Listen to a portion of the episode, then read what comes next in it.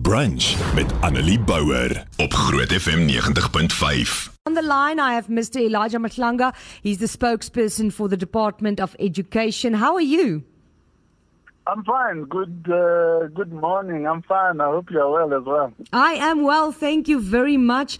Yesterday, I spoke to you quickly uh, via WhatsApp about an article I read in News 24 about pit toilets. And this article says that there are more than uh, 3,300 schools that still have pit, uh, pit toilets. But you told me that this is factually incorrect. So I would like to hear from you what is the situation? Yeah, uh, it is incorrect. You know what we are doing? There's a toilet being completed uh, in a school every day, and we report every week to the minister in terms of what we are doing. So, if anything gives you any statistics, and those statistics don't come from last week Friday, it's already wrong because we have since moved on. We are reducing the number quite drastically almost every day. The, that number is the number that we provided in 2018. So since then, we have reduced that number. Now we are left with about 900 of those uh, of those toilets. I see that in the press release you sent me. You say that there's a difference between a basic pit toilet and a ventilated improved pit toilet. Am I correct? That's correct. So what we've been hearing from some people in the public and in the media is that we are expected to remove pit latrines and put flushing toilets. And that is not the mandate, but that is also not the understanding of the, the, the, the work that we've been given as a department because it is logistically impossible to have flushing toilets everywhere, especially because we don't have water in many, many rural parts of the country. So where there's no bulk water infrastructure, it becomes very difficult. As a result, we have explored different types of technology that will help us to uh, still build uh, decent toilets that are ventilated, uh, that are proper sanitation facilities as opposed to a basic pit. Basic pit is basically a hole in the ground with a structure on top, uh, which is something that we are removing because that is what is dangerous. Some learners fall into it because it is not age appropriate. You find learners uh, falling into it because uh, they were not supposed to be using such structures. And that's the question I, I have for you. If you say that proper ventilated pit toilets are being built, I have two questions. The first one, if you say age appropriate, does that mean that the uh, ventilated pit toilets at uh, preschools and kids like in grade one, grade uh, R, grade two, who are smaller, have smaller pit toilets? Absolutely. So that's exactly what we are doing to remove the danger part of it that if a child that is in the foundation phase grade R uh, in particular, they don't use the same facilities as the, the learners from grade one upwards because of the age. So the sizes are adjusted according to the age of the children so that no one falls into uh, that proper, that particular structure. So that's exactly what we are addressing. That's why we call this a safe initiative sanitation appropriate for education because it needs to take into account the age uh, uh, of the of the people that are using these facilities. The question I have on that still is you said that uh, it is not necessarily possible to put in toilets that flush because of water problems, but doesn't that also fall under uh, what you are supposed to have at schools that there is water available? Well, the Department of Education is not the Department of Water and Sanitation.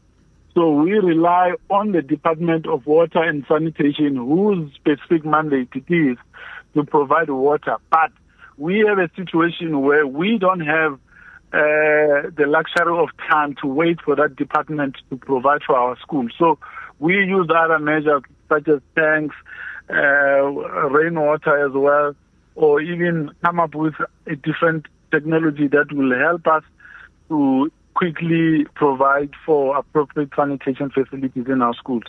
So we try to do what we can, even though it's outside our, our mandate. Ours is education, but more and more we find ourselves now being the Department of Infrastructure as well.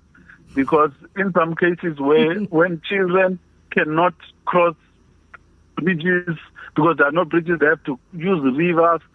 We we have to find a way to making sure that they have a safe passage to school and back. So that is what is putting a lot of pressure on the department that we end up doing work that should be done by other departments. And when children are in danger, questions come to the Department of Basic Education, even when the person should be going somewhere else. So, so we try to do what we can under the circumstances. We are not the experts in this field, but we try to recruit people that are in the built industry to come help us. So, uh, the South African government uh, promised to replace all pit toilets at schools nationwide by the 31st of March this year. That has not happened, and I know that the uh, Education Minister Angie Motshekga said there still uh, were still 3,398 schools using pit latrines, and the deadline to eradicate them has been shifted to 2025. But you just told me that there's only 900. Am I correct? So, will this all be done by the new deadline? It will be done. We're supposed to have done it uh, by the end of uh, March this year, but uh, because of the delays from COVID and uh, the, the, the stoppage in terms of work, and uh, maybe also other situations related to the department cancelling contracts from non-performing construction companies, there was a delay. But we are now back on track. In fact, in the meeting today, I'm in a meeting now of all the managers in the department the minister gave all the construction companies to complete all the projects by October this year. So, so that's where we are. She's saying to them, let's work as quickly as possible to finish because we can't be going on and on about the same thing, even if we, we can we can finish it. So we are also seeing a pattern that when you give work to construction companies, instead of doing the work and finishing it, they want to prolong it so that they can, you know, work with the department for longer. Unfortunately, in this sector, we don't have that time because we don't want any more lives lost. We don't want uh, the life of our children to be compromised any further. I think that uh, this is good news. I really do hope that this is going to happen. I also know that the UDM said that they, in the Eastern Cape, they have a petition that they want to remove all pit toilets from schools in the KwaZulu-Natal and Limpopo province and in the Eastern Cape. I know that they said that they handed this petition to the government. They had 5,000 signatures by the end of March, but you said that you haven't received it. Have you received it yet? No, we haven't. I think that is uh, the misunderstanding. You know, it doesn't work like that. For them to say that we need to remove uh, pit latrines, it doesn't work like that. We are still going to, to, to explain to them that you cannot say you are going to remove pit latrines because in the in the villages, in the farms, in many parts of the country, that is what we use, and it is acceptable because of the type of country that we are. We're a dry country that doesn't have enough water. We don't even have bulk water infrastructure in many parts of the country. So we've resorted to using the technology that is possible for us. So for them to say remove all pit latrines, it's just a misunderstanding. What we are saying is that we need to build appropriate, safe infrastructure sanitation that is that that is appropriate for for, for, for, for learning, for, for teachers, so that we have no fear whatsoever of any child falling into a pit latrine. I agree with you. I think it is unacceptable that a child uh, of that age dies uh, in circumstances like that. So I would be grateful if you guys really do change the infrastructure and, and make it safer for the children. I have one more question for you, and I would like to to ask you when it comes to sanitation and you are replacing these toilets and making them safer by hopefully October this year, like you said, is there going to be people that go back to these schools make sure that the sanitation is safe because I know the bylaws in Gauteng are very strict. In in Gauteng specifically, the bylaws state that uh, for to have your health certificate for a school, you need one toilet per 20 learners and you need to have toilet paper and you need to have a place for them to wash their hands. And my question is who is going to make sure that this is happening at all schools? That's correct. So monitoring is a, a big part of the work that we do in the sector. We we do go back. So there are people who who plan, there are those that build, and those that monitor that uh, what was planned has been delivered. What we have in some schools is a situation where after new toilets have been built, you find the community saying, please don't demolish the old ones because we still want to use them we have uh, um, some uses for them. And then you find that the construction company will leave those as they are, which then creates a problem because when you and I go there, we are going to say that this school has uh, inappropriate sanitation facilities, which will be true. But you will find that just next to that, there is new facility. So there has been an instruction from the minister that where a new toilet is built, the old one must be demolished immediately. So there is a monitoring team that is going around to make sure that uh, that happens in the way that the minister wants to see it. That's good news, and I do hope that the Department of Education are going to come through on, on this promise to eradicate these unsafe toilets and uh, the unsafe environment for our children so that they can actually learn and get educated in a safe environment. Thank you so much. Thank you. Have a nice day. Bye. You too, bye. Dit is uh, meneer Elijah Mhlanga. Hy is uh, die woordvoerder van die departement van onderwys. Op die lyn het ek Dr. Jaco Deeken. Hy is uh, die hoofuitvoerende beampte van FETSAS. Goeiemôre. Uh, Goeiemôre. Ons het nou uh, met meneer Elijah Mhlanga gesels die uh, woordvoerder van die departement van onderwys spesifiek oor pit toilette en die feit dat die departement gesê het en die staat gesê het hulle gaan teen 31 Maart hierdie jaar die probleem heeltemal opgelos hê en al die pittoilette sal vervang word. Intussen het dit nie gebeur nie en is dit nou uitgeskuif na 2025 toe wat 2 jaar van nou af is. En uh volgens 'n uh, artikel wat ek gelees het van Netwerk 24 is daar oor die 3000 pittoilette nog in die land oor by skole. Volgens meneer Elijah is dit nie waar nie. Hy sê daar's net 900 oor. So ek weet nou ook nou nie meer wie om te glo en wat aangaan nie. Kan jy ons dalk help? Ja, kom ons begin maar, kom ons begin by die begin. Ehm um, ons is op pad 30 jaar toe demokrasie en om vandag nog by 'n skool te kom waar daar 'n gat in 'n grond is en onveilige pitlatrine of pittoilet vir 'n kind is onaanvaarbaar. En die feit dat ons vandag nog daaroor praat, beteken dit dat 'n klomp groot mense, klomp politici en klomp baie hoogsbetaalde amptenare eenvoudig nie hulle werk gedoen het nie. So kom ons begin daar. Die moeilikheid is veroorsaak hierdie politici en amptenare wat in 30 jaar bitter min gedoen het by daai skole.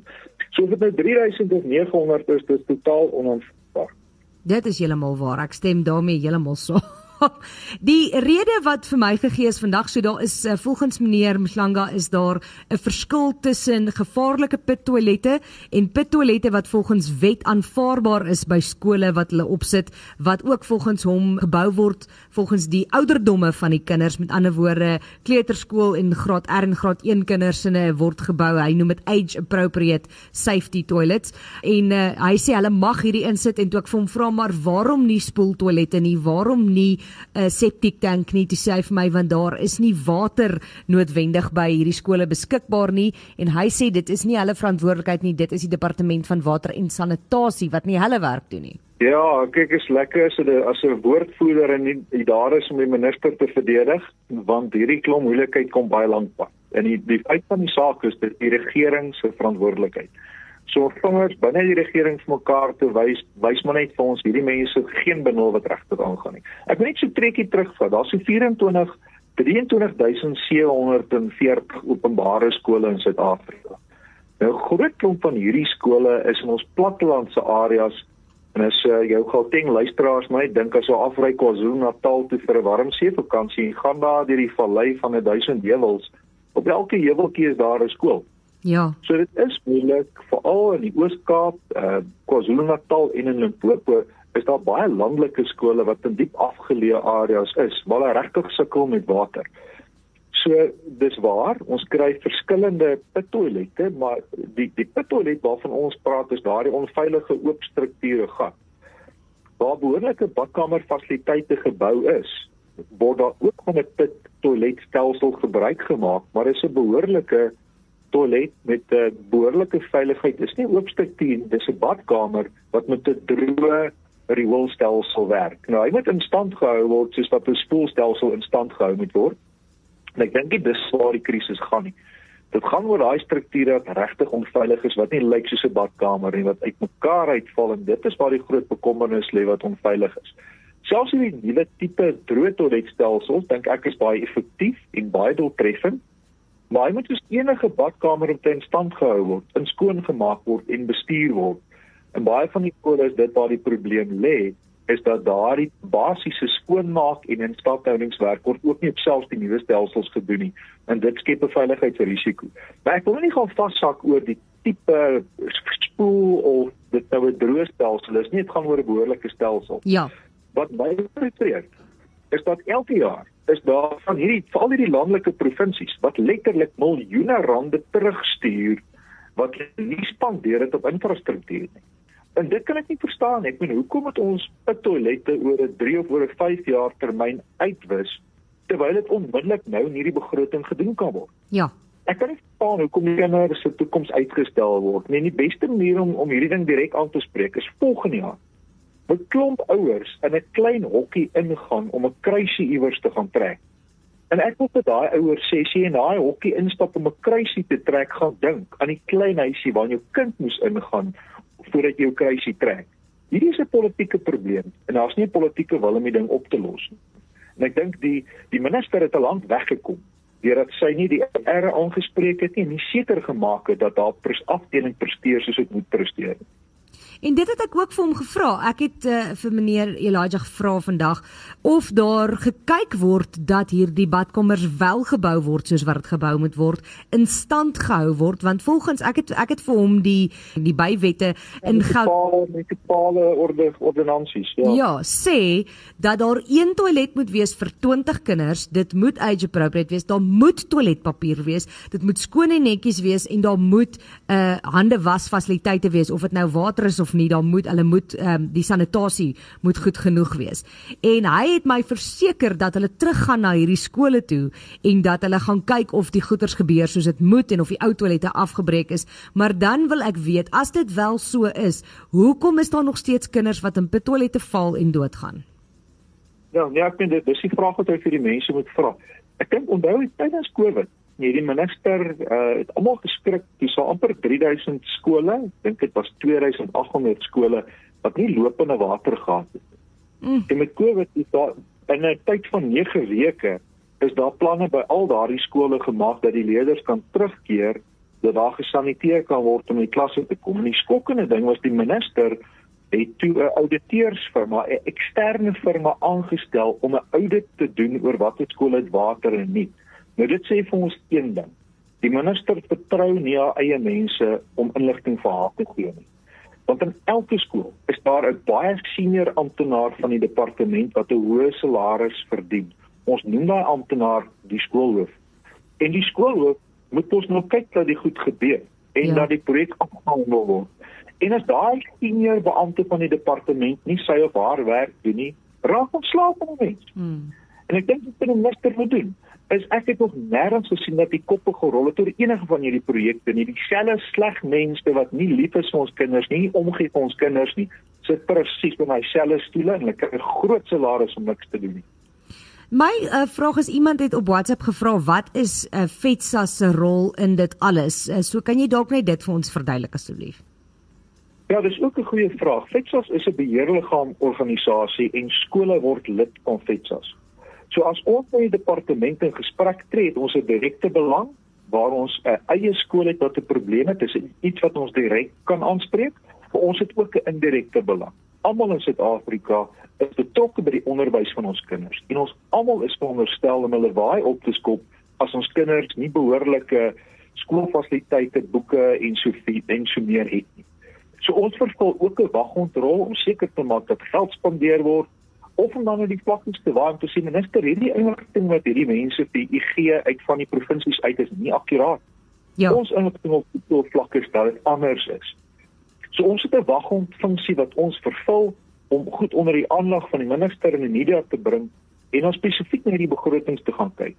Die frustrasie bly dat dit 'n geweldige geweldige groot stelsel en die die meerderheidsvakbond SADU weet beskerm so hierdie mense dat dit baie moeilik is as jy nie groot getalle aan jou kant het nie om om hierdie stelsel te skuif. So dis deur beïnvloeding deur die media wat ons ons sê kan sê, maar die ander goeie nuus is die ouers in Suid-Afrika is baie meer as die vakbond of as die politici en ouers het die mag om verandering by hulle skool te kan bewerkstellig ook as dit die kruisie gaan trek by 'n stembus en ek dink nie ouers moet daai mag onderskat nie dis ons werk om daai boodskap ook in die gemeenskappe uit te kry. Nee, verseker. Jaco, verskriklik baie dankie vir jou tyd en uh, dankie vir die werk wat julle doen. Ek weet jy julle probeer regtig. Ons het begin van die jaar ook gepraat oor skoolplasings en oorvol skole en ek weet julle probeer regtig hierdie tipe goed uitsorteer en onder die departement se aandag bring en die minister se aandag bring en in die publiek uitkry. Ons waardeer dit. Baie dankie. Die beste manier om 'n verskil te maak is om by die skool naaste aan jou betrokke te wees. Annelie Bouwer, weekoggend tussen 9 en 12 op Groot FM 90.5.